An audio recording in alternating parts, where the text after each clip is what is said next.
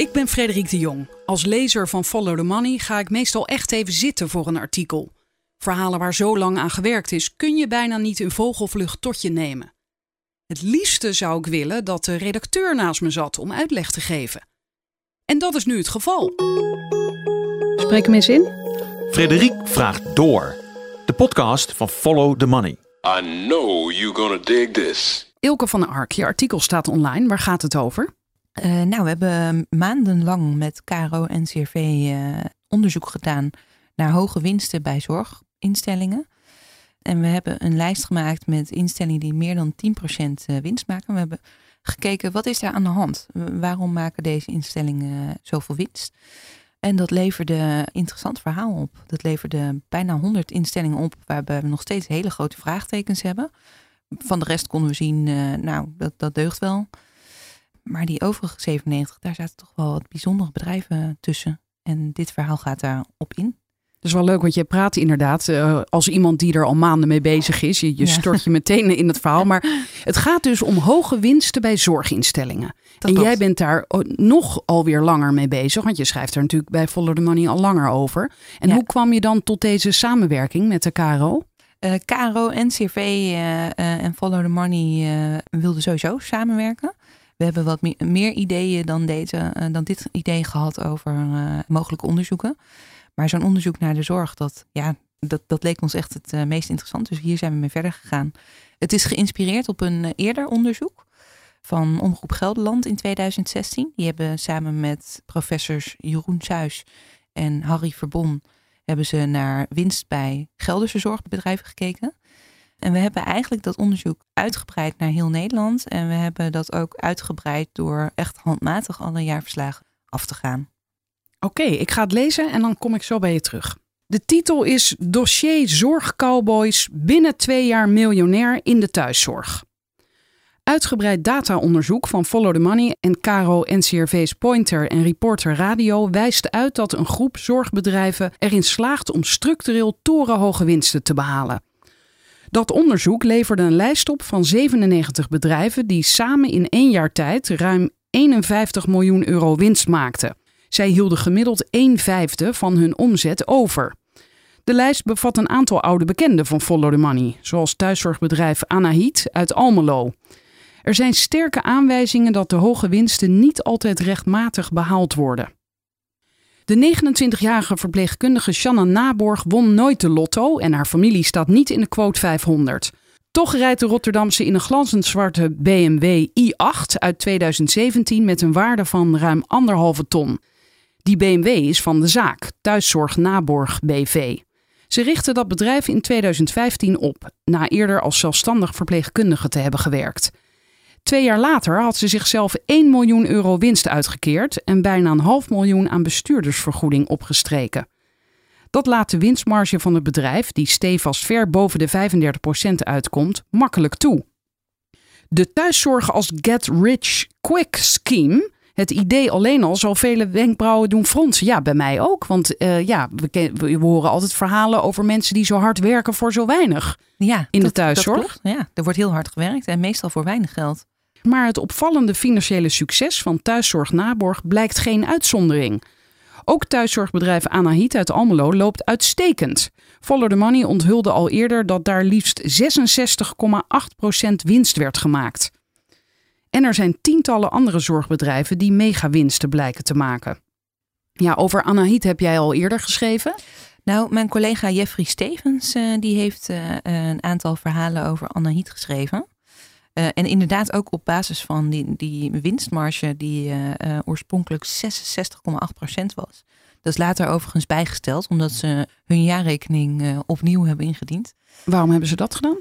Er was nogal wat discussie losgekomen in uh, Almelo over, uh, ja, over de winstgevendheid van Annehiet. Naar aanleiding van die serie artikelen. Ja, en de gemeente Almelo die heeft toen tegen het bedrijf gezegd... Uh, ja, jullie hebben eigenlijk ook geen controleverklaring van accountant erbij. En die willen we wel hebben, anders gaan we niet meer met jullie in zee. Dus toen hebben ze opnieuw die jaarrekening laten maken. En toen was de winst ineens iets lager.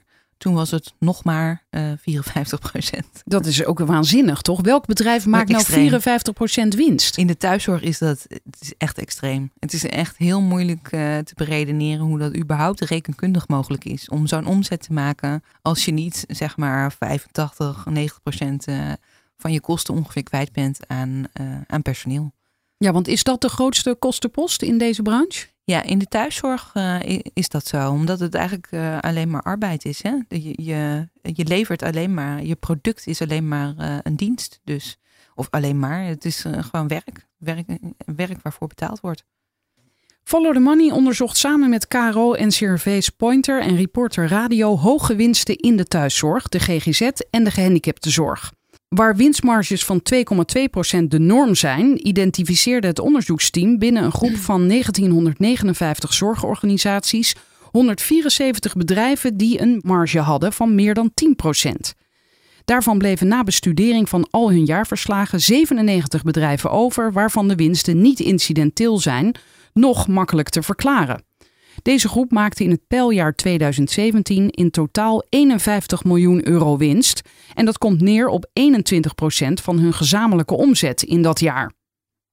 Ja, dan volgt er een kader waarin je eh, uitlegt hoe het onderzoek is uitgevoerd uh, met de drie partijen. Hoe gaat zoiets in de praktijk? Uh, veel werk. Het is echt een, behoorlijk monnikenwerk geweest om al die jaarverslagen door te nemen. We zijn begonnen door de cijfers van het ministerie eigenlijk te analyseren. Dus uh, datajournalist Jerry Vermanen, die heeft uh, een enorm databestand van het ministerie uh, gekregen van het CIBG. Waar zorginstellingen hun cijfers moeten aanleveren. En die heeft daar, nou ja, die hebben we daarop losgelaten. En hij heeft allemaal selecties gemaakt uit dat bestand.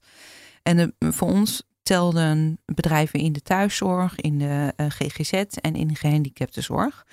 Eh, van een bepaalde grootte. En we hebben daarbij gezegd, het, het moeten wel bedrijven zijn die dan meer dan 10% winst maken. Want dat is wel best een, een, een grens waarvan uh, hoogleraren Jeroen Suis en Harry Verbond dan zeggen... Dat, dat verdient toch wat nader onderzoek als bedrijven dat zo goed doen in die branches boven de 10%. Daar hielden we 174 instellingen uit over. En collega Jorien Vries en ik zelf hebben van die 174 bedrijven allemaal de jaarverslagen van meerdere jaren handmatig zitten doornemen. En ze eerst opgevraagd of zijn die, staan die online ergens? Die, die kun je online vinden. Er is een speciale website voor, ook van het ministerie. Daar worden al die eh, jaarverslagen worden daar gepubliceerd. Als we ze niet konden vinden, ja, dan kun je ze meestal bij de KVK wel vinden. Ja, we, we hebben eigenlijk al die jaarverslagen weer doorgenomen en in aanvulling daarop eh, vaak ook nog uh, gekeken naar, uh, nou, wat zit hier voor een holdingstructuur misschien achter? Hoe, hè, wie, wie is de eigenaar? Heeft hij nog meer bedrijven? Wat, wat zien we aan de buitenkant? Is dus jullie uh, gebruikten allebei zogezegd dezelfde vragenlijst van waar jullie naar op zoek gingen? Ja. En eh, is, gebeurt dit dan in eenzaamheid op een zolderkamer? Of, of, waren jullie samen? Hoe, hoe, moet ik dat voor me zien? We hebben ehm, veel eenzame... Ik heb veel eenzame uren thuis achter, doorgebracht achter de laptop. Nee, we hebben ook bij elkaar gezeten, in Hilversum gewerkt. veel overlegd ook. Want ja, op een gegeven moment moet je toch... Ja, je, je, we deden het met z'n tweeën, dus we hebben ook wel overleg gehad over... Nou, wat, wat vinden we uh, wel verdachten, wat kunnen we goed verklaren. Daar praat je wel constant over. Dat is ook wel fijn lijkt me, dat je af en toe even kunt vragen van is dit nou raar wat ik hier zie of ja. is het niet raar? Ja, het is heel fijn om even te kunnen sparren. Het is een astronomische marge in vergelijking met de rest van de sector. Volgens hoogleraren Jeroen Suis en Harry Verbon, die op verzoek van Omroep Gelderland in 2016 een vergelijkbaar onderzoek onder Gelderse zorgbedrijven uitvoerden, is een winstmarge van 2 tot 3 procent voor een thuiszorgbedrijf al heel efficiënt. Dat percentage wordt ook genoemd door bestuurder Aad de Groot van zorgverzekeraar DSW. Hij waarschuwt als een bedrijf in de thuiszorg meer dan 10% winst maakt, is er iets niet pluis. Hij zegt het dus eigenlijk heel stellig, want eh, is dat zo? Er zullen ook vast bedrijven zijn die 15% winst maken en waar prima alles pluis is. Nou ja, zoals ik al zei, we hebben natuurlijk die lijst van 174 doorgenomen. Die maakten allemaal meer dan 10% winst, maar we vonden dat niet allemaal gek of onverklaarbaar. Want het kan ook een hele onschuldige verklaring hebben. Je kunt bijvoorbeeld een, een eenmalige winst maken omdat je een onderdeel van je bedrijf afstoot. Maar er zaten ook veel maatschappen tussen, waarbij uh, de, de, winst die overbleef, dat moet dan eigenlijk ook nog gezien worden als het loon van de medisch specialisten die samen in de maatschap zitten. Dus als je dat loon er dan weer aftrekt, ja, dan blijft er eigenlijk uh, niet veel over. Dus uh, dat soort verklaringen kan, ja, kan ook achter meer dan 10% winst zitten. Maar Dus- Aad de Groot is dus eigenlijk eh, stelliger hierin dan jullie. Ik denk dat hij die nuance wel zou delen hoor. Hij, eh, eh, hij heeft natuurlijk zelf eh, met DSV de afgelopen jaren echt onderzoek gedaan naar de wijkverpleging. En hij heeft het ook met name hierover, over thuiszorg en wijkverpleging. En ehm, ik, ik, ik denk dat hij het wel met me eens zou zijn dat, ja, dat er ook incidentele winsten kunnen zijn. Ja. Natuurlijk. En dat, eh, ja. En is het eigenlijk, want eh, DSW is eh, gewoon een zorgverzekeraar. Is Ja. het, doen alle verzekeraars ook onderzoek naar misstanden? Alle zorgverzekeraars moeten controleren of het geld wat ze uitgeven wel goed besteed wordt. En natuurlijk ook of er geen misbruik van die middelen wordt gemaakt. Dus alle zorgverzekeraars hebben in principe een fraudeafdeling. Maar ik heb niet echt de indruk gekregen dat die overal zo groot is. Het lijkt ook wel bij zorgverzekeraars toch te ontbreken aan capaciteit daarvoor.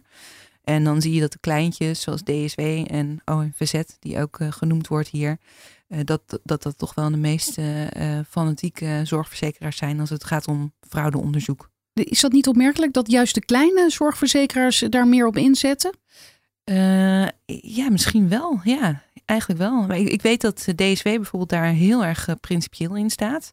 Eh, dat was de vorige bestuurder was Chris Omer. Die, eh, ja, die heeft ook dat DSW echt een beetje in- ingericht naar zijn principes van wat een zorgverzekering zou moeten zijn.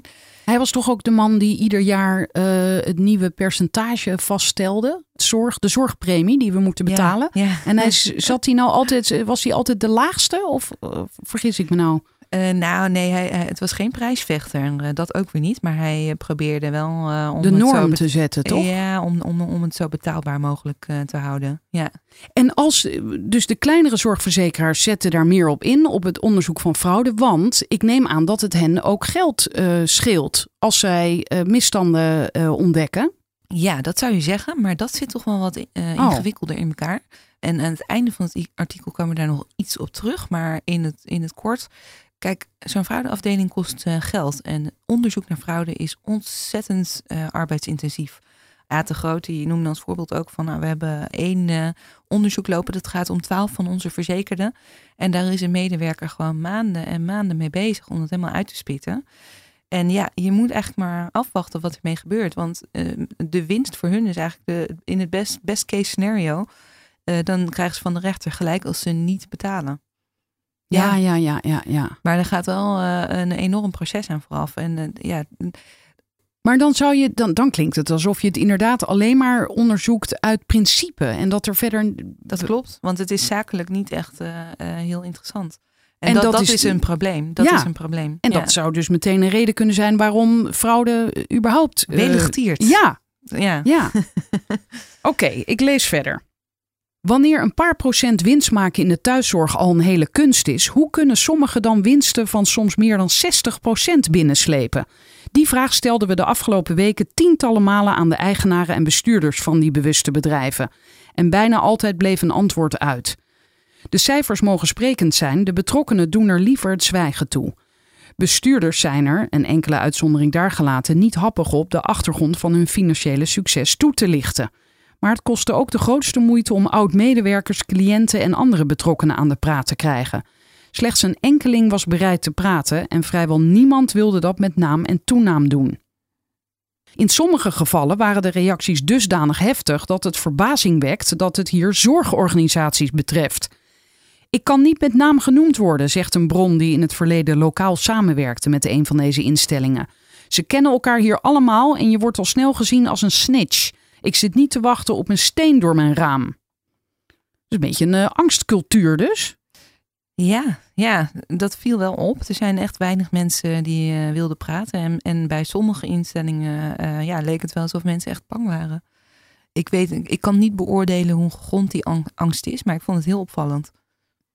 Het bestuderen van de jaarverslagen van winstgevende zorgorganisaties is een arbeidsintensief karwei. De nu gepubliceerde lijst bevat alle 174 bedrijven en stichtingen die in 2017 meer dan 10% winst maakten. Dat wil niet zeggen dat er iets mis is. Onder hen bevonden zich tientallen organisaties waarvan de winst heel verklaarbaar was. Ja, dat zei jij net al. Na een uitgebreide analyse konden 77 organisaties weggestreept worden. Bij hen was de winst eenmalig, bijvoorbeeld verklaarbaar door bijzondere omstandigheden, of niet betekenisvol omdat die als loon gezien moest worden. In sommige gevallen ging het om een stichting die veel giften ontvangen had, of wel veel winst maakte, maar die ook een duidelijke en logische bestemming gaf binnen de organisatie. Bij de overige 97 zorgorganisaties blijven vooral heel veel vragen over. Het is een breed scala aan bedrijven met één gemene deler. Ze maken allemaal structureel buitensporig veel winst.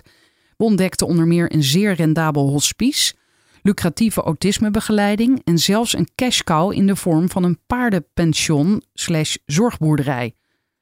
We troffen oude bekenden aan waarover Follow the Money eerder schreef. De eigenaren van gehandicaptenopvang De Carmel in Angeren en de ADG-dienstengroep.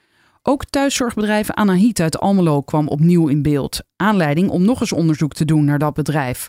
En dat leverde nieuwe informatie op die de suggestie wekt dat onderbetalen van personeel beslist niet de enige manier was waarop eigenares Never Dermosesian haar dividenduitkering van 6 ton bij elkaar verdiende. Ja, dat heb ik inmiddels uh, geschreven. Uh, die, uh, dat verhaal is vrijdag 28 juni gepubliceerd. Ja, bij ons onderzoek dit keer kwamen dus Anne Hiet weer tegen en uh, ik ben opnieuw gaan zoeken. En daarbij hebben we een aantal mensen gesproken die ook anoniem wilden blijven in dit geval. Ja, die het bedrijf van heel dichtbij kennen of er gewerkt hebben. En die ons konden vertellen dat ook Anne Hiet uh, ja, declaraties had gedaan voor zorg die niet daadwerkelijk geleverd was. Dus dat is ook een, een beschuldiging van, van zorgfraude in feite. En hebben ze die beschuldiging alleen uh, aan jou geuit? Uh, of hebben ze hier ook iets mee gedaan? Zijn ze een zaak begonnen? Of... Nou, um, een aantal van die bronnen die heeft ook verklaringen afgelegd. Bij uh, onder meer de sociale recherche en bij zorgverzekeraar. dus het is niet een beschuldiging die alleen aan mij gedaan is. En, mensen is bevestigd ook wel dat er een onderzoek loopt. Um, Oké. Okay. Ja, daarover zegt Anahit, ja, dat, dat, gaat, dat is niet een onderzoek naar ons. En het is al afgerond, maar het blijkt nog te lopen. En uh, ja, mensen wil daar natuurlijk niet zoveel over kwijt, want het is nog een lopend onderzoek. Dus wat daaruit komt, uh, dat, ja, dat zal nog moeten blijken. Maar ja, heel interessant, want uh, tot nu toe wisten we wel dat die enorm extreme winstmarge, dat die ja, in ieder geval niet op een hele eerlijke manier tot stand was gekomen, omdat personeel echt onderbetaald bleek te zijn. Over welke bedragen hebben we het dan, weet je dat? Nou, beneden minimumloonhuis. Want ze kregen niet eens de toeslagen waar ze recht op hadden. Uh, het, echt, echt tientjeswerk. Ja. Heel hard werken voor gewoon heel erg weinig geld. Terwijl mevrouw zelf dus, uh, nou even in drie jaar tijd. Ik heb de laatste jaarrekening nog eens nageslagen. In drie jaar tijd uh, meer dan een miljoen euro uitgetrokken heeft. Wauw. Ja. ja, heel bijzonder. Ja, daar gaan we ook zeker nog wel publicaties van zien. Want ik ben nog bezig met, met dit onderzoek. Hey, over publicaties gesproken, we vergeten helemaal te bespreken dat voordat dit verhaal van jou gepubliceerd werd en ook op de radio kwam, bij Reporter Radio, is er een uh, rechtszaak aangespannen. Ja, dat was ook nog leuk. Want men wilde, wie wilde eigenlijk uh, voorkomen dat jullie hiermee naar buiten kwamen? Nou, uh, mevrouw Naborg, Shanna Naborg van na, Thuiszorg Naborg, die wilde niet dat haar naam genoemd werd in, in, de, ja, in de uitzending of in dit verhaal. En die uh, stuurde een paar dagen van tevoren uh, haar advocaat ons af met een dagvaarding. En toen mochten we naar de rechter woensdag, uh, om, omdat zij toch wilde proberen te voorkomen dat we zouden gaan publiceren. En dat kwam volledig onverwacht voor jou? We hadden wel gehoord dat zij behoorlijk agressief kon zijn met, met juridische maatregelen. Ja, we zagen het wel aankomen, want op een gegeven moment voelden ze wel aan hebben heel lang hebben we ze de gelegenheid gegeven om te antwoorden op vragen. En dat, dat bleef maar uit. En op een gegeven moment zijn uh, collega's Dirk uh, Mostert en Jolien de Vries van KRO en CRV zijn daar op kantoor geweest. Hebben daar een manager gesproken. Hebben ze ook opgenomen. Ja, dat heb ik gehoord in die reportage inderdaad. Ja, dat klopt. Ja. Die zat er trouwens ook bij in de rechtszaak. Um, Nog even daarover, want ik hoorde ze zeggen: ja, we gingen daar dus naartoe en we hebben het opgenomen. In eerste instantie alleen voor onszelf. Ja. Maar later bleken andere beweringen zo haaks op de beweringen van die manager te staan. dat we toch hebben besloten om het uit te zenden. Toen vroeg ik me af: mag dat dan? bij mijn weten wist die man dat hij, dat hij opgenomen werd. En hij, eh, nou ja goed, eh, Jolien en Dirk hebben zich meteen eh, voorgesteld als journalisten. Ja, dat wel. Van tevoren hadden ze ook al vragen gekregen. Dus eh, ja, eh, ik, ik denk niet dat eh, dit een probleem zou opleveren. Dat kan ik me haast niet voorstellen. Ze hebben zich keurig met open vizier bekendgemaakt. Hij heeft uitgebreid, heeft hij ze te woord gestaan en ze hebben daar wel anderhalf uur gezeten. Dus ik verwacht niet dat dat een probleem zou opleveren. En ja, inderdaad, het was in principe hè, om uit te werken tot een transcript voor als andere antwoorden uit zouden blijven. Maar toen de advocaat van Naborg ineens daarna toch met een, eh, met een hele serie antwoorden kwam die daar niet echt mee overeenkwamen. Ja, toen moesten we dat natuurlijk wel eh, eh, melden. En ja, zodoende is hij toch in de uitzending terechtgekomen. Deze rechtszaak is verloren door mevrouw Naborg. Ja, glansrijk. De rechter heeft heel veel tijd genomen. Ze heeft ook heel erg veel ruimte gegeven aan de advocaat van, van Naborg om, om zijn zaak te bepleiten. Dat is op zich ook een goede zaak. Was wel een aanslag op ons geduld, maar achteraf eh, eh, krijg je wel. eh, Want jij zat daar in die rechtszaal. ik zat ja, samen met Erik Smit. wij zaten in de rechtszaal. Aan de andere kant Caro en CRV. En Naborg met wat medewerkers en een advocaat. Mevrouw Naborg was er zelf ook. Die werd nog heel em- emotioneel op het eind. Oh, Of emotioneel, ik, weet niet hoe ik dat moet beoordelen. Ze werd in ieder geval, ze kreeg een ontzettend heftige uitbarsting. Eh, ja, daarbij eh, leek ze te moeten huilen, maar ik zag geen tranen. en hoe verklaar je dat? Wat was er op dat moment met haar aan de hand, denk je? Nou, ze verweerde zich natuurlijk tegen de beschuldiging eh, dat, dat die, die gelden die zij had verdiend, hè, die, die miljoen dividend die ze had uitgekeerd op, op zo'n 2,5 miljoen euro omzet, dat het allemaal eerlijk was gegaan en dat ze natuurlijk al, al haar geld eerlijk had verdiend. Eh, dus zij, eh, ja, ze, ze, ze werd helemaal, eh, ze, ver- ze verhief haar stem en ze zei, nou, ik ben die robot die 22 uur werkt en ze maken me kapot. En dat was eigenlijk, Ze vindt dat ze onschuldig is. ze vindt dat ze kapot gemaakt wordt, ja. ja. En de, ik meen dat haar advocaat ook onder meer aanvoert dat zij financieel niet onderlegd is. Ja, dat, dat leek hij wel te doen eh, op het einde van de zaak. Eh, hè, eh, we hebben aangeboden om mevrouw nog even te interviewen. Want ja, ze, hebben, ze heeft natuurlijk uitgebreid de kans gehad om, om ook haar verhaal te doen. Daar heeft ze niet gebruik van gemaakt. Dat wilde ze dan wel alsnog. Nou, eh, Erik die stak meteen zijn hand op van nou, dan willen we, we kunnen u meteen wel eventjes eh, interviewen. En toen zei die advocaat, nou dat gaat niet, eh, want daar moet wel een accountant bij zijn. Want mevrouw Naborg, die snapt er helemaal niks van. Hè? Die heeft helemaal geen enkele kennis van die eh, jaarrekeningen. Ze zou ook helemaal niet begrepen hebben dat ze een miljoen op haar rekening had gekregen. ja. Maar dat vind ik niet geloofwaardig. nee. En ze is op zich niet mediaschuw, want ik zie hier in jouw artikel ook een, een filmpje staan. En dat is een eh, fragment uit een programma van RTL. Hè? Ja, ja. Dat is eh, van passie tot droombaan. Dat is een RTL-programma waar je, eh, eh, ja, dat is een soort betaalde advertentie. Eigenlijk je kunt je daar inkopen en dan Oh, eh, kun dit je is een gekocht. Ja, dit is gekocht. Oh, ja. vandaar, want ik heb, ik heb het van tevoren even gekeken en dat is één groot Hosanna. Ja, dat is ook een, bedrijf. Het is in feite een reclamespot. Wat ben ik dus- toch naïef. Ik dacht van, wat dit programma ken ik niet. Wat is dit? Wat ja, leuk. ja, Dit is Harry Mens ja. Revisited 2.0, Nou, eigenlijk wel. Ja, het is een soort van Harry Mens 2.0. ja. Ja. Ehm, even kijken hoor, waar zijn we gebleven? Voor de duidelijkheid, er staat hier nog een kader. En dat heet Oude Bekenden, de Carmel en ADG dienstengroep. Ja, nou ehm, ja, Annahiet was niet de enige oude bekende die we tegenkwamen. We kwamen ook opnieuw de eigenaren van zorgorganisatie De Karmel tegen, waar ik in het verleden over heb gesproken. Oh, de Carmel, ja. Ja, de Karmel, ver- vernoemd naar eh, het gebergte in Israël, geloof ik. Teun en Joke Kaptein, ja, dat was eh, eh, grappig. Teun en Joke Kaptein, die, eh, ja, die runden eerder de Karmel. En dat noemen ze nu de Kroon. En nog steeds maken ze ontzettend veel winst. In het verleden ook heel veel. En ze betaalden ook erg weinig aan de mensen die bij hun de verzorging van gehandicapte jongeren uitvoerden. Daar zijn toen rechtszaken over geweest. Ze hebben ook heel veel dividend destijds aan zichzelf uitgekeerd. Illegaal, volgens mij nog steeds. Want ehm, ja, dat hadden ze eigenlijk niet gemogen. Eh, maar dat, dat, ja, dat heeft nooit een gevolg gehad. Volgens mij hebben ze die dividend weer terug moeten storten in hun eigen BV. Dat is niet heel indrukwekkend geweest volgens mij. Ehm, maar ja, we, we kwamen dus de kroon tegen. En omdat we niet alleen de jaarverslagen hebben gelezen, maar ook even zijn gaan kijken naar wat zit hier nou voor een bedrijfsstructuur achter of boven, kwamen we er vrij snel achter dat, dat we deze mensen al kenden.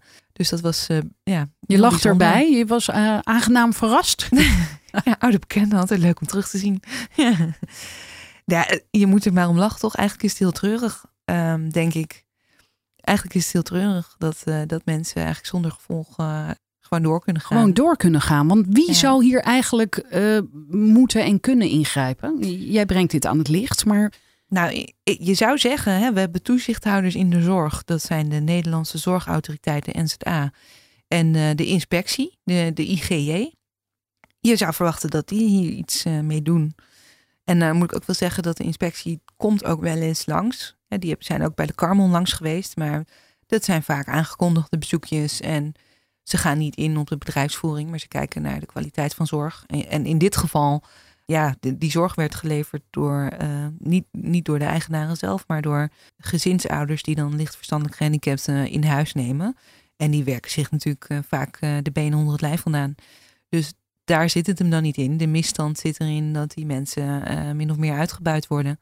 En nou, dat- gelukkig kan je, je kan in ieder geval nog stellen dat de zorg goed is. ja, Dat is natuurlijk het, het allerbelangrijkste. ja, En het tweede is dat er gigantisch veel geld aan wordt verdiend. En dat die mensen worden uitgeknepen. Dat is natuurlijk heel kwalijk. dat is heel kwalijk. En ook dat, eh, nou ja, goed, dat was toen in die zaak zo.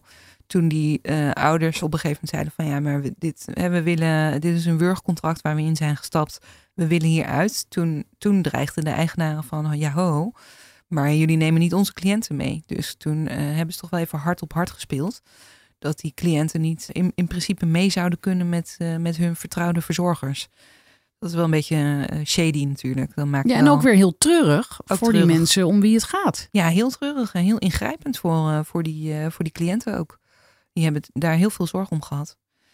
Nou ja, dan hebben we natuurlijk ook nog ja, ADG, Ascito Dienstengroep, ook uit Twente. Eh, en die bleken ook weer een nieuwe onderneming te hebben. En, en eh, dat heet Faveo. Het zit eh, officieel in Rotterdam, maar het levert vooral thuishulp in Emmen. En dat valt dus onder dat grote ADG Dienstengroep. En waar kennen we die nou van? Die hadden ook TSN Thuiszorg in handen. En nog steeds. Maar ook TSN Thuishulp. En dat ging eind 2015 failliet. Aha. En daar heb ik ook uitgebreid over geschreven. Want ze hebben, ja, het is een bedrijf wat eh, prijzen in de thuishulp heel erg naar beneden heeft ge- gedrukt. Dus eh, hulp in de huishouding hebben zij altijd eh, heel goedkoop aanbesteed. Dus oh, kom maar hier, wij kunnen het voor heel weinig. En op een gegeven moment kwamen ze niet meer uit. En toen eh, Maar hoe kan dat? Ze hadden dus hele lage prijzen, en, maar toch gingen ze failliet. Of ze betaalden weinig uit. Ze hebben de prijs eh, naar beneden gedrukt. Oh, Dus, eh, ze kregen zelf dus weinig, te weinig binnen. Ja, Ja, om- ja, ja. omdat ze bewust eigenlijk eh, met een strategie om, om veel aanbestedingen binnen te halen, hebben ze heel geadverteerd met lage prijzen. Maar ja, op een gegeven moment hebben ze toen zelf aan de bel getrokken van ja, die prijzen moeten weer omhoog. Hè? Dan heb je al die aanbestedingen binnen en dan eh, Maar bij wie hebben ze aan de bel getrokken? bij Martin van Rijn was dat toen nog, staatssecretaris van Volksgezondheid. En ze hebben toen echt gezegd van nou, we komen niet meer uit. En ook geprobeerd om het personeel eh, daar de dupe van te laten zijn. Want ze hebben op een gegeven moment zijn ze gewoon gestopt met het volledig loon uitbetalen van die thuishulpen. Die eh, ongeveer 12 euro per uur verdienen of zo. Hebben ze gewoon eh 25% van afgehaald in dat jaar. Tegelijkertijd vroegen ze aan de staatssecretaris, kan je even wat bijleggen? Ja, schandalig hè? Ja, en, Ja. en, maar dat, dit, dit is misgegaan dus. Dit is misgegaan, dit is eh, niet goed uitgepakt. Ze zijn failliet gegaan. En in de artikelen die ik hierover geschreven heb, eh, het onderzoek wat ik daar toen naar gedaan heb, daar eh, bleek uit dat dat grote ADG gewoon even een trucje had eh, eh, uitgehaald om de schuldeisers in een geval van faillissement buitenspel te zetten. Dus er waren een aantal schuldeisers, voor- vooral personeel dus, die nog eigenlijk formeel wat loontegoed hadden. En dat hadden ze wel voorzien dat ze bij een faillissement dan over de brug zouden moeten komen. Want TSN was natuurlijk maar een heel klein takje van dat hele grote concern. Dus ze hebben gewoon een, een soort juridische truc uitgehaald. Waardoor eh, de aansprakelijkheid helemaal niet meer bij ADG lag. En de schuldeisers in principe zouden kunnen fluiten naar hun geld. Dus Is dat ook gebeurd? eh, dat- is een hele lange ingewikkelde zaak geworden. Die nog steeds ook wel eh, als voorbeeld wordt gebruikt, heb ik begrepen, bij studentenrechten. Oh, Dus eh, eh, ja, Maar die zaak loopt nog. ik weet, ik kan je eigenlijk niet vertellen hoe dat helemaal is afgelopen. Het, eh, eh, het, het is iets wat niet mag. Want, maar je, je moet dan wel heel goed aantonen dat het niet mag. Maar ik moet, moet zeggen dat ik eh, de laatste stand van zaken helemaal niet meer eh, van op de hoogte ben. En weet je wat misschien ook goed is om nog weer even te benadrukken? Nu jij eh, staatssecretaris van Rijn noemt, denk ik ja, eh, natuurlijk eh, even bijlappen. Want het, dit gaat allemaal over publiek geld. Ja. 100 procent. Ja. Dus ook die winsten die die mensen maken, maken ze met eh, investeringen die van de overheid komen dus. Of nou, niet? ehm, niet, niet investeringen. Want het kan best zijn dat je zelf met je eigen investeringen een, eh, een zorgbedrijf Oh ja. begint. Ja. Maar al je inkomsten zijn in principe eh, afkomstig uit, uit onze verzekeringspot of uit de pot van de overheid. Dus het is Oké, dus het is geld. gedeeltelijk publiek, want de verzekeraars zijn eh, toch niet publiek. Ehm, die zijn niet publiek, maar de, de, de verzekeringspremies die we moeten betalen worden wel gezien als een soort belastingen door, eh, hè, ook door het Centraal Bureau voor de Statistiek. Die merkt dat wel aan als een soort belasting. En dat is het eigenlijk ook. Want je kunt er ook niet onderuit, zeg maar. Je kunt niet zeggen, ik ga me niet verzekeren voor... eh, eh, of nou ja, dat kun je wel zeggen. Behalve die ene man waar jij Ja. ook een artikel over hebt geschreven. Daar, hier kunnen we echt eh, uren Ja. over doorpraten. Nee, oké, maar het is dus... in principe eh, is ja, het eh, publiek geld, ja. Ja, En eh, ehm, in die lijst waren ook wel bedrijven die bijvoorbeeld ook nog een commerciële eh, onderneming erbij drijven. Dat is allemaal prima en daar maken ze soms ook winst mee. Dat, Nee, oké, dat, dat is allemaal goed. Want, want inderdaad, dat is goed om te zeggen. Eh, Ja. Met winst maken op zich is niks mis. En sterker nog, als je een bedrijf hebt dat eh, bijna 70% winst maakt, nou, good for you. In principe Maar wel. we hebben het hier over publiek geld. Ja, en dat- over uitbuiting van mensen, enzovoort, enzovoort. Ja, ja, daar gaat het mis natuurlijk.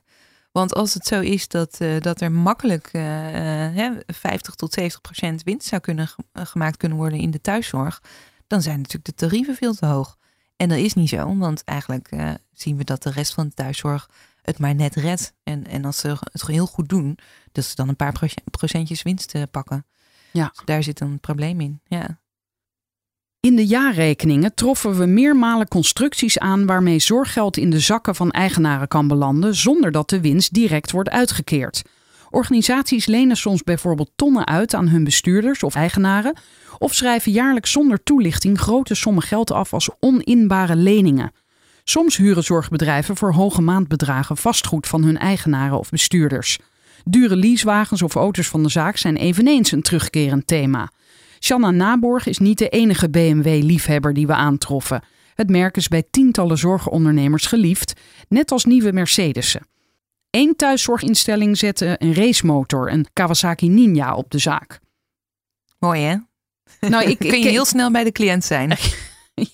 Ja. Nee, ik wou zeggen, ik ken hem niet, maar het zal vast een eh, mooie motor zijn. Maar op zich is dat gek Snelle dat je een, is dat. een motor in plaats van een auto op de zaak zet. Is, is dat gek? Het is wel, het- ik heb het nog nergens anders gezien. Eh, het, het was wel een unicum, eh, zeg maar. Ondanks de soms royale uitgaven van zorgbedrijven blijft er kennelijk genoeg over om als winst uit te keren. Nu is winst maken niet verboden, nee, hier schrijf jij het ook, maar hoe verklaar je dergelijke rendementen in een sector waar bedrijven juist vaak krap bij kas zitten? Hoogleraar accountancy Jeroen Suis van de Erasmus Universiteit oppert. In theorie kan er, wanneer er efficiënt gewerkt wordt en er daardoor lage kosten zijn, veel winst worden gemaakt, zegt hij. In de thuiszorg is dat onwaarschijnlijk, juist doordat het mensenwerk betreft. Er valt nauwelijks te automatiseren en er zit weinig rek in de productiviteit. Maar, zegt Sluis, het is natuurlijk ook mogelijk dat er minder zorg geleverd wordt dan waarvoor betaald is, of zorg van mindere kwaliteit. Met name in de verpleging en verzorging aan huis vallen hoge winstmarges op vanwege de magere resultaten die gemiddeld behaald worden in deze sector. Toch treffen we in de lijst van 97 organisaties tientallen bedrijven aan die thuiszorg, verzorging en begeleiding aanbieden en bakken met geld overhouden. Daarom sloten we deze bedrijven extra kritisch tegen het licht te houden. In 2017 onderzocht consultancyfirma PwC in opdracht van de Nederlandse Zorgautoriteit, de NZA, de tarieven in de verzorging en de verpleging. Op basis van het loon, productiviteit en zaken als reistijd en opleidingsuren berekende PwC wat één uur zorg kost. Dat vergeleken ze met de daadwerkelijke vergoeding ervoor. Het verschil is niet meer dan enkele procenten en met name op verzorging wordt verlies geleden omdat de kostprijs daarvan vaak hoger is dan het geldende tarief. Het allergrootste bestanddeel van de tarieven die de zorgverzekeraars, gemeenten en PGB-houders betalen voor verpleging, verzorging en hulp aan huis, is het loon van de zorgwerkers. De loonkosten in de thuiszorg beslaan gemiddeld 75 tot 85 procent van de totale omzet, zo stellen hoogleraren Suizen en Verbon. Dat maakt kostenbesparing uiterst lastig. Je kunt een cliënt simpelweg niet efficiënter aankleden, douchen, verbinden of naar de wc helpen zonder de kwaliteit van de zorg geweld aan te doen. Thuiszorg is een dienst en per definitie arbeidsintensief. Dus wat te denken van thuiszorgorganisaties die soms maar 30 of 40 procent van hun omzet kwijt zijn aan personeel? Tijdens ons onderzoek troffen we meerdere bedrijven aan waarbij het rekenkundig onmogelijk lijkt dat alle uren zorg waarvoor zorgverzekeraars en gemeenten hebben betaald, ook daadwerkelijk zijn geleverd. Ja, en dan volgt er een uh, kader en dat heet het raadsel van de stijgende personeelskosten. Ja. Wat vertel jij daar? Ja, dit gaat uh, over een van de bedrijven die opviel in ons onderzoek. Dat is het Centrum Zorg en Welzijn in Den Haag. Ja, dat, dat viel ons op omdat, uh, omdat ze hier ook een ongelooflijk hoge winstmarge maken. Ongeveer ja, tegen de 50 procent. Ze houden ongeveer de helft over van, van wat ze binnenkrijgen. Ja, hoe kan dat als je alleen maar ja. thuiszorg en hè, verzorging en, en, en, en verpleging levert? Waar, waar, doe je dat dan van? Uh, want hè, dat, dat, dat moet wel door mensen geleverd worden. En dan blijkt dat ze, dat ze toch ook niet zoveel geld uitgeven aan personeel. Dat lag dan op 46 procent. Dat is wel heel erg weinig voor de thuiszorg. We hebben net ook gehoord, hè, gemiddeld 75 tot 85 procent. Daar zijn de tarieven ook op berekend. Dus ja, hoeveel, hoeveel zorg heb, kun je dan leveren met dat personeel? Ja, of, of werken ze met stagiairs of zo? Of vrijwilligers, dat zou, dat zou kunnen. Maar ja, dat, dat is ook niet uh, per se volgens de regels. We hebben het wel gevraagd. Ze hebben daar geen antwoord op gegeven. Hé, wat jammer nou. Ja, mevrouw Bedal eh, was niet blij met, uh, met de aandacht. Die zei in de eerste instantie begreep ze het ook volgens mij niet helemaal. Mevrouw Angela Badal heb ik uh, vragen gestuurd van, nou, hoe doen jullie dat toch? Wat begreep ze dan niet aan die vraag? Nou, uh, ze, zij antwoordde: uh, bedankt voor uw belangstelling, maar we hebben geen interesse.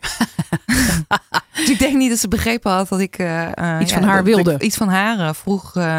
maar ze, dus ik heb, ik, ik heb haar dat duidelijk gemaakt van nou, we, we gaan publiceren. We, hebben, we zijn bezig met het onderzoek. En, ik heb interesse in u. Ja, ja. ik wil deze vragen wel graag beantwoord hebben. Maar als u geen antwoord geeft, ja, dan, dan zal ik dat maar meenemen als antwoord. dat, dat zegt dan ook iets. En toen kreeg ik een iets, iets bozere mail terug. En uh, daarin zei ze: Ik wil niet meedoen aan uw onderzoek. En geef verder ook geen toestemming om mijn reactie te benoemen. En toen dreigde ze ook meteen met een jurist. Dus ze heeft hem uh, ook maar meteen naar haar uh, advocaat doorgestuurd, begrijp ik. Ja, ze heeft het ons niet uit weten te leggen. Hoe, hoe dit bedrijf nou zoveel winst wist te maken. Maar we hebben wel gekeken naar wat zit hier nou weer voor een bedrijfsstructuur achter. Dat riep eigenlijk alleen nog maar meer vragen op. Want mevrouw Badal heeft een zakenpartner, meneer Tahiri of Tahari.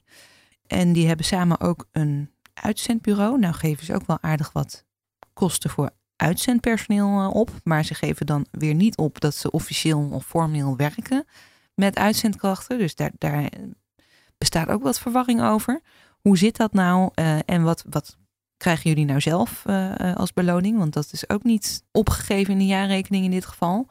Dus er blijven heel veel vragen eigenlijk over. En ja, we, we zagen dat, uh, dat er uiteindelijk ook een, ja, een soort Britse limited weer achter dat uitzend- en integratiebureau zit. Uh, we kunnen weer niet zien wie daar de eigenaar van is. Het zou meneer Tahiri moeten zijn volgens personeel dat daar werkt. Maar een heel um, ja, in schaduwen gehuld bedrijf eigenlijk waar we uh, nog niet veel meer over hebben weten te ontdekken. Dus daar moeten we misschien ook nog maar eens mee door. Werk aan de winkel, hè? Werk aan de winkel. Hier gaat jouw eh, artikel verder met hoogleraren Suis en Verbon. Die houden rekening met de mogelijkheid dat de hoge winsten, en dan gaat het weer over al die bedrijven, hè, ja. zijn veroorzaakt doordat de gedeclareerde zorg niet volledig is geleverd. Dat betekent dat de winsten van deze bedrijven misschien niet altijd rechtmatig tot stand zijn gekomen. Kan er sprake zijn van fraude? Die vraag houdt ook de zorgverzekeraars bezig. Verzekeraar DSW uit Schiedam is al sinds 2015 bezig met onderzoek naar bedrijven in de wijkverpleging.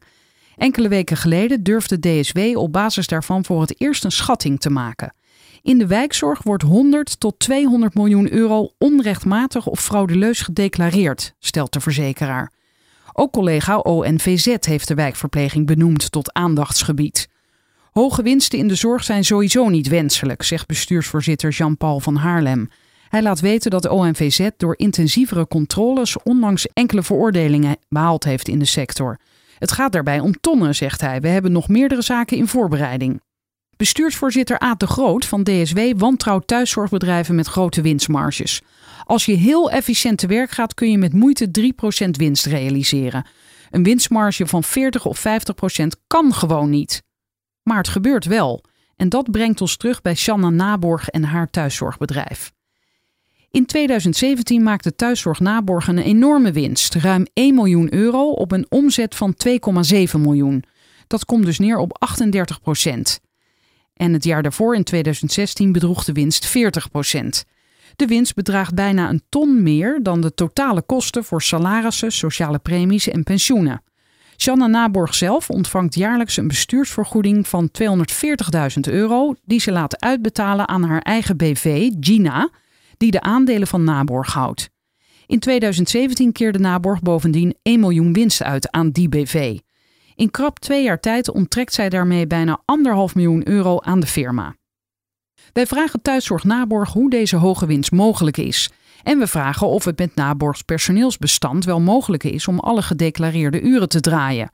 Het antwoord op onze uitgebreide vragen komt van advocaat Peter Schouten, nadat hij ons dagvaart in een kort geding om onze publicatie over Naborg te voorkomen.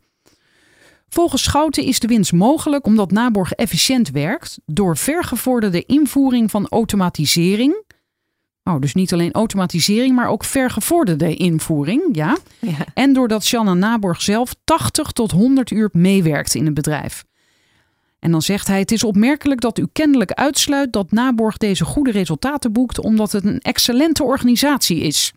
Ja, daar, eh, daar kan ik wel een opmerking maken. Hè. Eh, eh, vergevorde- vergevorderde invoering van automatisering. Nou ja, ze hebben het ons niet kunnen laten zien. En zoals we straks al hebben, hebben gehoord. Het is dus heel moeilijk juist om in de thuiszorg te automatiseren. En ze werken nog niet met zorgrobots. Nee, nou eh, aan het einde van de rechtszaak eh, eh, ja, riep mevrouw Naborg daarom ook van... Nou, ik ben die zorgrobot Oh ja, waar ze het ja. over hebben. maar goed, ja, wij vinden dat niet geloofwaardig, want ze hebben, er ook niet, ze hebben het niet kunnen laten zien. En het lijkt onmogelijk. Naborgmanager Walter van Leeuwen-Kiers beantwoordde eerder een aantal vragen. Dat is die man bij wie de verslaggevers op bezoek gingen. Ja. Volgens hem kan er geen sprake zijn van hoge winsten en is de reden dat die toch in de boeken staan puur dat de accountant zijn werk niet goed heeft gedaan. Zo zou de accountant ervoor verantwoordelijk zijn dat de bestuursvergoeding van 240.000 euro, die Shanna Naborg zichzelf jaarlijks toekende, te hoog is volgens de wet normering topinkomens. Het kan zijn dat er sprake is van onbewuste onbekwaamheid. Dat was voor ons ook de aanleiding om de relatie met deze accountant te beëindigen. Oh, ze hebben de accountant de deur uitgedaan. Ja. ja, dit is echt een waanzinnig eh, rare beschuldiging aan het adres van de accountant. Maar daar komen we nog wel bij. En eh, ik kan hierop doorklikken en dan zeg jij: het betreft mijn accountantskantoor en dan mijn met hoofdletters. Ja. Zij werpen de beschuldigingen van Van Leeuwenkiers verre van zich en overwegen stappen tegen Naborg. Dat klopt. Oké. Van Leeuwenkiers zegt ook niet te kunnen geloven dat de dividenduitkering zou hebben plaatsgevonden. Ook dat zou de schuld van de accountant zijn. Eh, Dit klinkt alsof het ook nieuw voor hem was dat, dat hij dit hoorde. Want hij werkt daar dus als manager en kreeg te horen: hé, hey, jouw baas krijgt dus verdient 240.000 euro per jaar en krijgt ook nog een dividenduitkering. Nou, het was niet nieuw voor hem, want eh, eh, naar eigen zeggen had hij bij zijn aantreden in oktober, zou, zou hij dit zelf ontdekt hebben, dat de jaarrekening helemaal niet klopte. En eh, dat, dat hij, eh, hij, hij beweerde in het begin van het gesprek van, nou, dat hij er ook van geschrokken was. En dat hij dacht van, nou, dit kan helemaal niet kloppen. Eh, maar eh, nou, het zou allemaal de accountant zijn geweest. En dat is natuurlijk ontzettend ongeloofwaardig, eh, zoals meneer Suis zo meteen ook eh, uitlegt. Eh, en ook nog wel grappig is dat wij, hè, we hadden het straks over dat filmpje van RTL. Ja. Dat filmpje is eh, in maart 2018 is dat eh, eh, uitgezonden. Ik denk dat het een aantal weken of maanden eerder opgenomen is. En meneer Van Leeuw Kiers zien we daar dan ook al in dat filmpje toevallig in de kantine zitten. Hey, terwijl die Dus pas die in oktober dat jaar. pas in oktober 2018 aangetreden zijn. Hoe dat precies zit, dat weten we niet. Maar hij was in ieder geval Hmm. Al eh, langer intiem bekend met Naborg, kunnen we vaststellen. Dus dat hij dat allemaal zo van geschrokken is, dat, eh, ja, dat achten wij ook niet heel geloofwaardig. En ook hoogleraar Suis, je noemde hem net al even, zegt dat is heel onwaarschijnlijk dat de accountant het dus fout heeft gedaan. Want de accountant werkt alleen met eh, door het bestuur aangeleverde informatie. Het accountantskantoor in kwestie laat in een reactie weten de beschuldigingen te verwerpen en stelt net als Suis dat het bestuur van deze onderneming zelf verantwoordelijk is voor het aanleveren van de juiste informatie. Gezien de valse beschuldigingen aan ons adres overwegen wij juridische stappen richting thuiszorg Naborg. Tijdens de zitting, dus het, kort geding waarin ze dus geprobeerd hebben om deze publicatie te voorkomen, herhaalt Van Leeuwen Kiers, die manager, dus zijn stellingen. De jaarrekeningen zouden allemaal niet kloppen. Ons hele onderzoek zou zodoende gebaseerd zijn op een verkeerde voorstelling van zaken. Maar wanneer we aanbieden de zaken direct na de zitting uit te praten, laat advocaat Peter Schouten, die Naborg vertegenwoordigt, weten dat dit niet mogelijk is zonder de accountant. Ja, dat vertelde jij net, omdat mevrouw Naborg van toeten nog blazen zou weten over financiën. Ja, Over de beweerde excellentie, tussen aanhalingstekens, van thuiszorg Naborg wordt door meerdere oud-medewerkers, betrokkenen en oud-cliënten anders gedacht.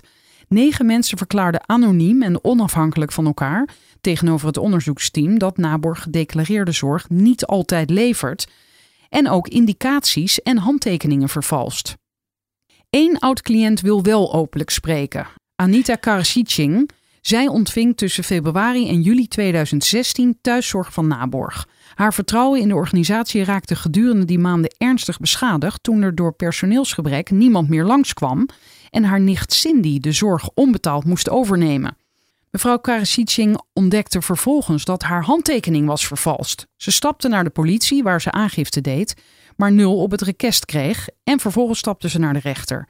Tijdens die rechtszaak kwam de administratie op tafel van Naborg en die bleek nogal te verschillen van de administratiemap die de medewerkers van Naborg bij mevrouw thuis bijhielden. Op kantoor schrijft Naborg aanzienlijk meer uren dan volgens mevrouw Karasicing en volgens het logboek van de medewerkers is geleverd. dat is misschien wel leuk om heel eventjes eh, toe te lichten voor een beter begrip. Want in het artikel hebben we hier eh, natuurlijk wat eh, afbeeldingen ook van opgenomen. Maar als thuiszorgmedewerkers eh, langskomen bij hun patiënten en cliënten, dan eh, houden ze een logboek bij thuis. En dan, merk, hè, dan, dan iedere, ieder bezoekje wordt daarin eventjes eh, geregistreerd. Eh, op eh, 10 juli is nou, Janneke geweest en die heeft dit en dat en dat gedaan. Op een volgende datum is die en die en die geweest. Dat houden ze zelf bij. Allemaal in hun eigen handschrift ook. En op basis daarvan zou op kantoor dus een rapportage gemaakt moeten worden die overeenkomt met wat daar is opgeschreven. En die wordt gebruikt om, om geld te declareren bij de zorgverzekeraars. En in dit geval eh, bleek dus dat die twee administraties volledig uit, uit, elkaar liepen. Dat er eh, enorme verschillen tussen zaten. Ja, want hier schrijf jij, volgens de kantooradministratie van Naborg komt er in de periode van 12 februari 2016 tot en met 23 juli tweemaal daags een verpleegkundige of verzorgende bij mevrouw thuis. Maar volgens de map komt er hooguit eens per dag iemand en worden er dagen overgeslagen. Bovendien is ze van 26 maart tot 10 april op vakantie. Maar op kantoor wordt niettemin genoteerd dat er zorg geleverd wordt in die periode. Verzorgende Henriette noteert op 17 maart Mevrouw geeft aan dat ze van 26 maart tot en met 10 april afwezig is. Ook daags tevoren, op de 25e, wordt haar vakantie genoemd. En op 11 april, als ze net terug is van vakantie. In de tussentijd wordt de map uiteraard niet bijgehouden, want mevrouw zit in het buitenland. Vanuit Duitsland zet ze op 27 maart een aantal vakantiefoto's online. Maar volgens de kantooradministratie van Naborg zou ze de 27e echter tweemaal uit en in bed zijn geholpen en verzorgd zijn. Notabene door Shanna Naborg zelf. Zo, speciale behandeling. Twee weken lang declareert Naborg zorg voor mevrouw Karasicing, die op dat moment van haar vakantie geniet. Dat kan niet, dat is fraude, zegt ze. En ik ben niet de enige bij wie ze dit hebben gedaan. Ik heb het ook van anderen gehoord. Twee oud-cliënten van Naborg bevestigen dat het thuiszorgbedrijf ook bij hen in de kantooradministratie regelmatig zorgbezoek heeft genoteerd, soms maandenlang, terwijl er in werkelijkheid niemand bij hen langskwam. Drie oud-medewerkers van Naborg bevestigen deze praktijk in gesprekken met ons. Dit gaat echt heel ver. Hè? Dus bovenop eh, eventueel uitbuiten van personeel. eh, gewoon zeggen dat je zorg levert terwijl je dat helemaal niet doet. Ja, dit, dit, gaat, dit is wat met zorgfraude eh, bedoeld wordt. Gewoon, ehm, Ja, dus de, de vraag die jij net opwierp, is hier sprake van fraude? Die wordt volgens mij hier met een ja beantwoord. Dat zou je kunnen concluderen op, op, op basis van deze verklaringen van deze oud-medewerkers in ieder geval. En nou ja, we, we zien, eh, hè, wij, wij zien op dit schermpje ook die rapportages. En dan zie je op, eh, Oh ja, ik hè, zie op het hier staan. 28 maart zien we en 29 Mevrouw maart geholpen bij het uit bed komen. Ja, Ja, en dan, je ziet, eh, wat, wat ook opvalt, is het hoog, hoge copy-paste gehalte eh, van deze rapportages. Ze doen exact dezelfde handelingen eh, iedere dag. ja, inderdaad. Huid insmeren, medicatie aangereikt en uitgezet. Mevrouw geholpen bij het inbed. Ja. Nou ja, dat, dat gaat dan eh, twee weken zo door. En dat, dat is eh, heel bijzonder. En je zou kunnen zeggen dat is een fout, dat is het niet. Naborg heeft ook toegegeven, eh, die, die weerspreekt ook niet dat ze die zorg dan in de vakantie gewoon hebben doorgeleverd. Die zeggen ja, dat mag, want mevrouw heeft zich niet op, op tijd afgemeld. Want je hoort je 48 uur van tevoren dan af, af te melden. Nou, dat heeft ze niet gedaan, dus dan blijft het natuurlijk Maar heel geven ze toe dat ze die eh, zorg dus niet hebben geleverd? Ja, dat geven ze toe, ja. Maar kan, kan de inspectie daar dan ook niks mee? Ik, eh, ik ben heel benieuwd. Er zijn inmiddels zijn er eh, wat onderzoeken naar naborg, hebben we gehoord, eh, eh, gestart. Dus ehm, het zou kunnen dat die, eh, dat die hier ook echt iets mee kunnen. Want dit, dit is wel heel duidelijk eh, wat, wat hier allemaal in staat. Het verschil tussen kantoor- en thuisadministraties plus de verklaring van mevrouw Karasitsing vormen een sterke aanwijzing dat niet alle declaraties van naborg rechtmatig zijn geweest. Want hoe kan er thuiszorg zijn geleverd als de patiënt niet thuis was? Volgens advocaat Peter Schouten, die namens Naborg optreedt, is Anita Karasitsing niets dan een rancuneuze oud-cliënt. Hij wijst erop dat de rechter haar in het ongelijk heeft gesteld. En dat klopt. Anita Karasitsing vertelt ons dat de rechter de twee verschillende administraties echter nooit onder ogen heeft gekregen, omdat haar advocaten hebben nagelaten die in te brengen. Haar eigen advocaten dus. Ja, ze heeft echt eh, pech gehad met, eh, met eh, haar vertegenwoordiging. Dit ging, deze procedure ging om het. na, Naborg wilde dat mevrouw Karajit Singh nog zou betalen voor de zorg die dan geleverd was. En, Oh, ze moest ook nog betalen natuurlijk, ja. nou ja, ze heeft, eh, ze, ze heeft gemeld bij de Sociale Verzekeringsbank dat het natuurlijk niet klopte. Want zij zag met die nicht Cindy van, nou, maar dit, eh, hè, ze blijven maar gewoon eh, rekening sturen. Daar ben ik het niet mee eens. Dus zij heeft dat gemeld. Toen zijn de betalingen stopgezet. Maar Naborg beweert dat er nog wel degelijk zorg door hen is geleverd. Hè, maar tegelijkertijd beweren ze ook, nee, het klopt, we hebben geen zorg geleverd, maar wel gerekend, want zij had zich niet afgemeld. Dat, voor die vakantie eh, zeggen ze dat wel. Ja, het is Ja. een heel eh, Ja. eh, bijzonder verhaal. En ze hebben dus nog 16 euro, eh, 1600 euro gevorderd van mevrouw Singh. Eh, en daar hebben ze behoorlijk aan vastgehouden. Dat hebben ze dus inderdaad laten aankomen op een rechtszaak. En, ja, en die hebben ze mevrouw dus moest- gekregen. Ja, die hebben ze gekregen en, en gewonnen ook. Want mevrouw moest aantonen dat er, dan, hè, dat, dat er dan sprake was van, van fraude. En ja, die, die had in eerste instantie blijkbaar niet zijn beste advocaat. Want die heeft eh, die hele administratie niet, eh, eh, is hem niet opgevallen. En Naborg kwam dus met de kantooradministratie. En die voerden ze in die rechtszaak aan als bewijs van... kijk, we hebben wel zorg geleverd, want we hebben dit bijgehouden op kantoor. En toen pas, toen die uitspraak was geweest... de rechter die dacht, nou, dat, dat zal dan wel goed zitten. Toen heeft mevrouw Karajit Singh nog twee maanden de tijd gekregen... om dan alsnog met bewijs te komen. Maar pas met die uitspraak en met het materiaal was, wat dus vrijgekomen was... eh, die, die rapportage van kantoor, begon haar te dagen van... hey, misschien eh, is er wel iets... eh, ik, ik heb thuis ook iets, misschien, misschien klopt dat wel niet. Dat heeft zij toen aan haar nieuwe advocaat overgedragen. Want de, ja, de eerste advocaat die had het niet zo goed gedaan, dus daar wilde ze niet mee verder. Die nieuwe advocaat die heeft haar beloofd om daar naar te kijken, maar dat heeft hij dus niet gedaan binnen die twee maanden. Dus toen was haar kans verkeken eigenlijk. Hmm. Een heel onfortuinlijk verhaal natuurlijk. Echt heel eh, eh, vervelend. Ja, en het wordt nog gekker, want hier schrijf jij... Schouten, dus de advocaat van Naborg, stelt dat mevrouw Karasitsing de thuisadministratie zou hebben vervalst. Tijdens het kort geding tegen KRO NCRV en Follow the Money draait bijna zijn hele betoog om deze zogenaamd vervalste rapportage. Die zou de basis vormen voor alle onderzoeken die nu gedaan worden naar thuiszorg Naborg.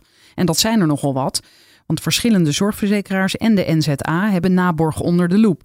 Schouten zegt dat Naborg er vergif op in durft te nemen dat de rapportage van mevrouw Karasitsing de oorzaak is geweest van de huidige onderzoeken.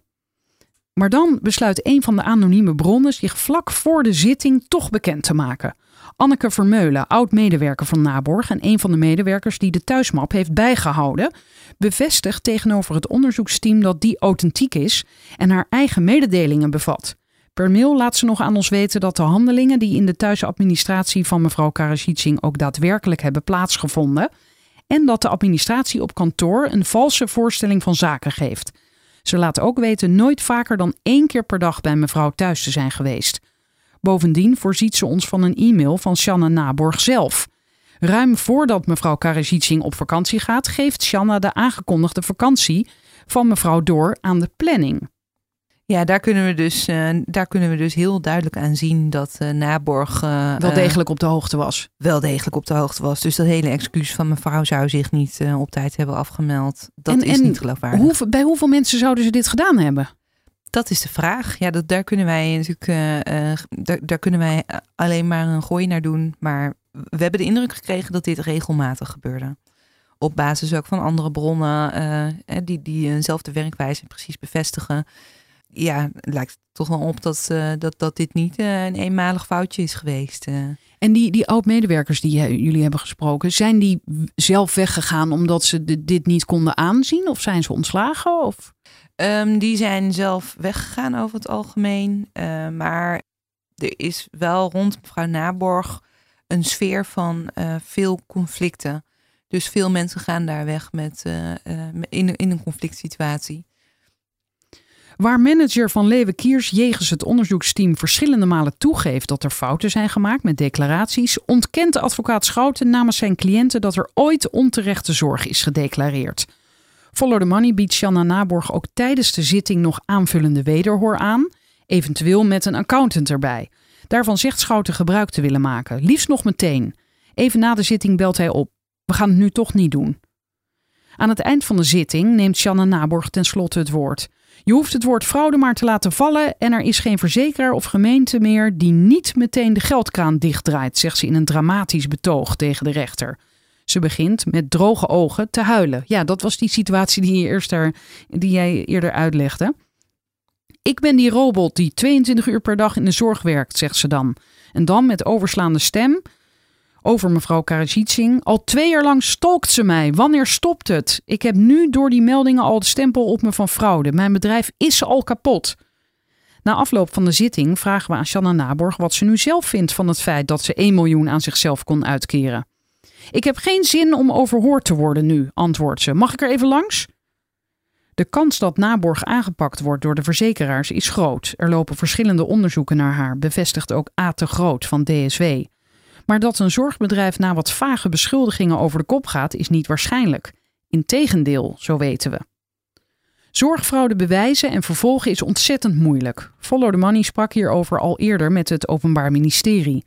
Door de complexiteit van financiering in de zorg is het buitengewoon lastig en arbeidsintensief om een fraudezaak voor de rechter te krijgen, zo bleek. Dat geldt ook voor de zorgverzekeraars, die er bovendien zelden de menskracht voor hebben. Van alle zorgverzekeraars heeft DSW een van de meest actieve fraudeafdelingen. DSW-bestuurder Aad de Groot zegt: We hebben momenteel een dossier liggen van een bedrijf waar twaalf van onze verzekerden zorg van ontvingen. In dat dossier is maanden werk van onze medewerkers gaan zitten. En dat is nog maar één bedrijf. We hebben niet de capaciteit om alle gevallen van fraude op te sporen. En daar wil ik wel eventjes uh, bij opmerken. Dat DSW is dus inderdaad een van de allerfanatiekste. Ik geloof dat zij uh, iets van rond de 5% van alle verzekerden vertegenwoordigen. Dus ze zijn een kleine verzekeraar, maar het schijnt dat zij uh, zo'n beetje 30% van alle fraudezaken aanbrengen bij wow. het ministerie. Ja. Of bij het Openbaar Ministerie. Petje af, hè? Ja, maar als, eh, het, het plaatst deze opmerking van A te Groot ook wel meteen in een licht waarvan je denkt, ja, dan is het. Uh, dat stemt niet vrolijk, zeg maar. Nee. Want als zij al uh, zeggen van, weet je, wij hebben niet de capaciteit om al die uh, fraudegevallen maar aan te pakken. Ja, dan kun je nagaan hoe het er bij andere verzekeraars voor staat. Dus dit zou bijna ja, wettelijk of zo gekoppeld moeten worden aan de winst die verzekeraars kunnen maken, toch? En dan gaan ze misschien wat harder rennen.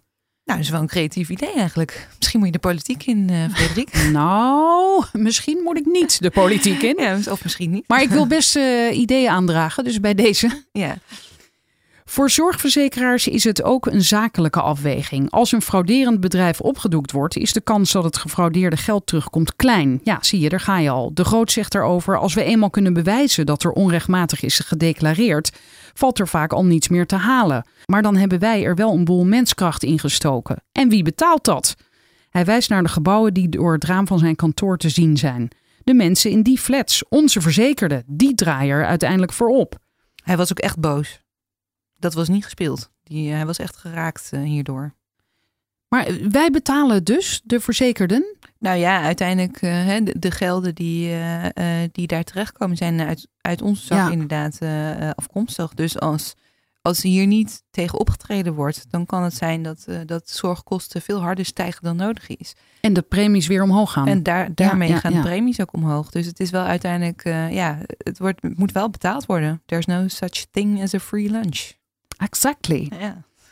Zelfs wanneer een zorgorganisatie voor fraude wordt vervolgd, zoals bijvoorbeeld de Rotterdamse zorgstichting Vivans, Ja, is het voor bestuurders en, en eigenaren eenvoudig om daarna opnieuw te beginnen. Om een zorgorganisatie te starten en een vergunning te krijgen via de wet toelating zorginstellingen hoef je slechts enkele formulieren in te vullen. Dat is een formaliteit, zegt hoogleraar Harry Verbon. Het biedt geen enkele garantie dat je kwaliteit levert of überhaupt betrouwbaar bent. Dat wekt de indruk dat het zorgstelsel zo lek als een mandje is. Opmerkelijk is dat alle cijfers en informatie die het onderzoeksteam van Follow the Money, Pointer en Reporter Radio gebruikte openbaar toegankelijk zijn. De financiële gegevens en informatie over de bedrijfsvoering moet zelfs jaarlijks aangeleverd worden bij het ministerie van VWS en bij de IGJ. Ja, dat noemde jij eerder de inspectie. Inspectie Gezondheidszorg en Jeugd. Oh ja. Maar wat gebeurt er met die cijfers? De NZA, toezichthouder op de zorgmarkt, liet weten dat de jaarcijfers onder de verantwoordelijkheid van de IGJ vallen. De inspectie liet ons op haar beurt weten toe te zien op de kwaliteit van de zorg en niet op de boekhouding van instellingen. Het lijkt erop dat toezichthouders niet bepaald fanatiek in stelling komen om zorgfraude op te sporen en te voorkomen. Jeroen Suis heeft daar wel een verklaring voor.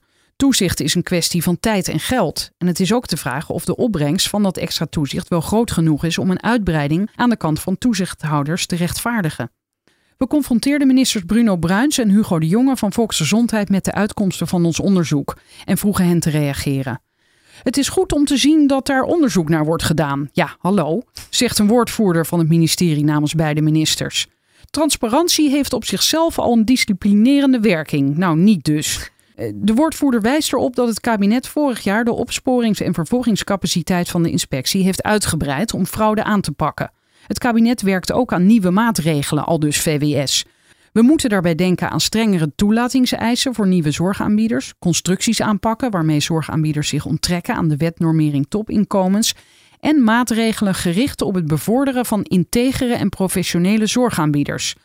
Voor de zomer zal het kabinet een plan van aanpak presenteren, zegt de woordvoerder. Nou, volgens mij begint het reces eh, zeer binnenkort. Ja, volgende week al. Ja, dus ze dus- deze week nog met een brief moeten komen. Ja, ja. Oké. We zijn benieuwd. We wachten af. Ja, we wachten vol spanning.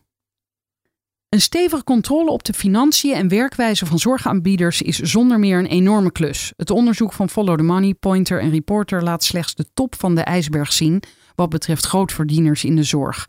Immers, slechts 2500 tot 3500 zorgbedrijven hoeven een jaarverslag in te leveren, terwijl in Nederland in totaal zeker 80.000 organisaties in de zorg werken. Bovendien zijn er veel manieren om geld aan de zorg te onttrekken.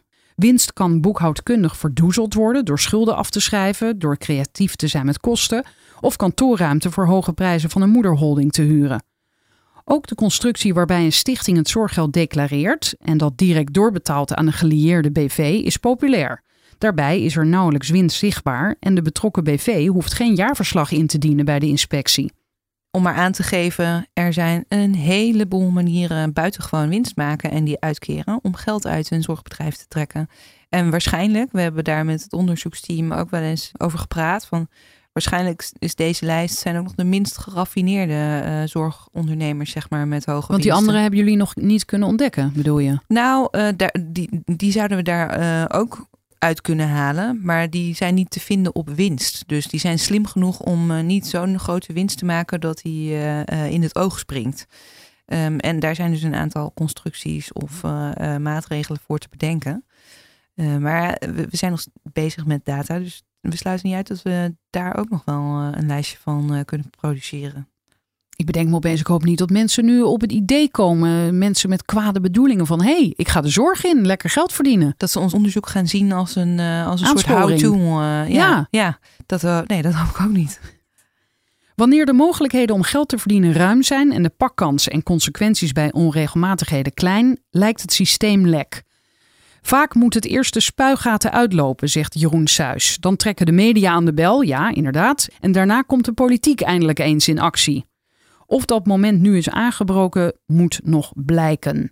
De Tweede Kamer ehm, heeft kennelijk ook gedebatteerd hierover, staat hier. Nou, dat, is de, dat was de bedoeling. Er stond een eh, debat gepland voor donderdag 27 juni.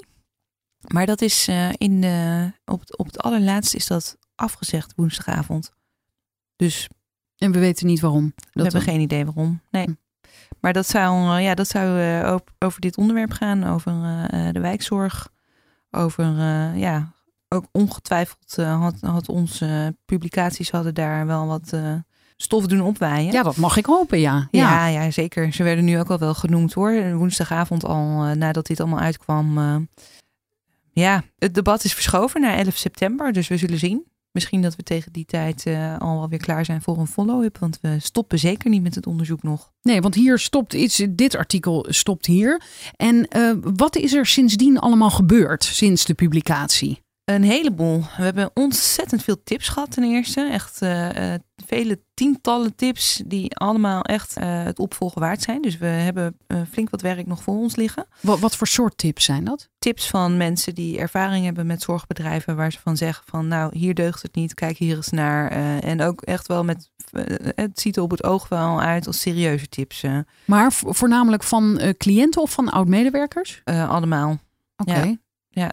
Ehm, daarnaast ja, veel, veel reacties gehad. Eh, we, hebben gehoord dat, eh, dat het in de lokale politiek ook heel serieus genomen wordt. Veel gemeenten doen onderzoek op basis van deze lijst en eh, bellen ook naar zorgbedrijven die erop staan.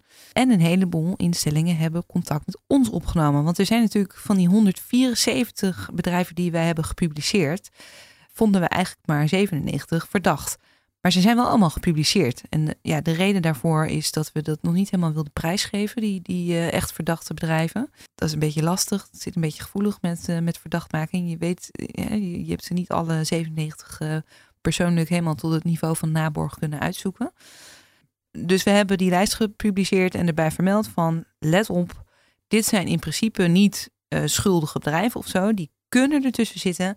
Maar er zit ook een heleboel onschuldige bedrijven tussen, waar- waarvan wij de winst dus heel goed kunnen verklaren. En die zijn niet blij. Die zijn niet blij dat ze op die lijst staan. Nee, want zij voelen toch wel, en eh, dat, dat begrijp ik ook wel, dat zij op één lijst zitten met die, ja, die bedrijven die mogelijk dus eh, eh, niet fatsoenlijk met het zorggeld omgaan. En als jij een keurig bedrijf runt, dan is dat natuurlijk pijnlijk, ja. Maar hoe, hoe, hoe weet jij dit? Zij hebben ook eigenlijk in grote getalen contact met ons opgenomen. Ja, met name de instellingen die wij zelf, waar we zelf al van eh, eh, dachten van, oh, dit, dit zijn geen verdachte bedrijven. Die, die melden zich. En we hebben En, ook en dat ga je er nu bij zetten of zo? Van dit bedrijf staat op de lijst, maar is niet verdacht. Nee, dat is sowieso het geval, want het is geen lijst het is van lijst verdachten. van verdachten. Nee, maar hoe kan je dat onderscheid eh, misschien beter maken? Nou, we hebben eh, inderdaad besloten om, eh, om een kolom toe te voegen met een opmerking van hè, bijvoorbeeld als de winst incidenteel is, dat we dat even melden. Zodat hè, de gemeenten die deze lijst gebruiken en ook bezorgde burgers en cliënten, dat die in ieder geval kunnen zien bij die bedrijven die zich gemeld hebben van hé hey, hallo, ehm, hoe zit dit in elkaar? Dus dat, eh, eh, dat is nu in uitvoering. Want nu, wat kan je nu dan stellen dat van die 97 die er over zijn gebleven, heb je ze niet allemaal zeer grondig kunnen onderzoeken? Dus hoeveel daarvan zijn wel echt fout, denk je?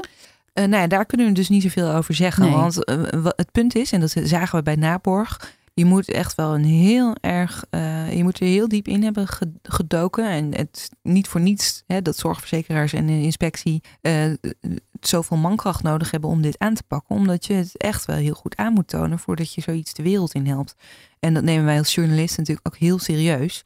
Dus wij kunnen niet, uh, we hebben echt natuurlijk geen tijd gehad om van 97 instellingen allemaal tot op dat niveau onderzoek te doen. Want één of twee kosten al ontzettend veel tijd. Dus wij kunnen Dus dat gaat ook nooit lukken. Dat gaat helemaal niet gebeuren. Nou ja, of we moeten uh, alleen maar hiermee bezig zijn de komende jaren. Misschien niet een verkeerd idee. Het is wel een groot onderwerp. Nee, maar dat, dat gaat natuurlijk, uh, dat, dat gaat niet. Dus we kunnen niet, en daarom publiceren we ze ook niet alle 97 uh, ineens. Want dat zou misschien de sfeer van verdachtmaking toch wel te heftig maken. Maar het zijn zeker die 97 bedrijven, bedrijven waar de hoge winst echt vragen van oproept. Dus het, het is meer een aanbeveling voor deze bedrijven verdienen echt nader onderzoek. En dat zal moeten uitwijzen of ze nou ja, gewoon uh, op een hele bijzondere manier heel veel financieel succes weten te behalen. Of dat ze uh, misschien niet altijd even uh, rechtmatig declareren. Dankjewel. Uh, ja, geen dank. Wil je weten wanneer een nieuwe aflevering online staat? Schrijf je in voor mijn nieuwsbrief. Die vind je bij ftm.nl/slash Frederik.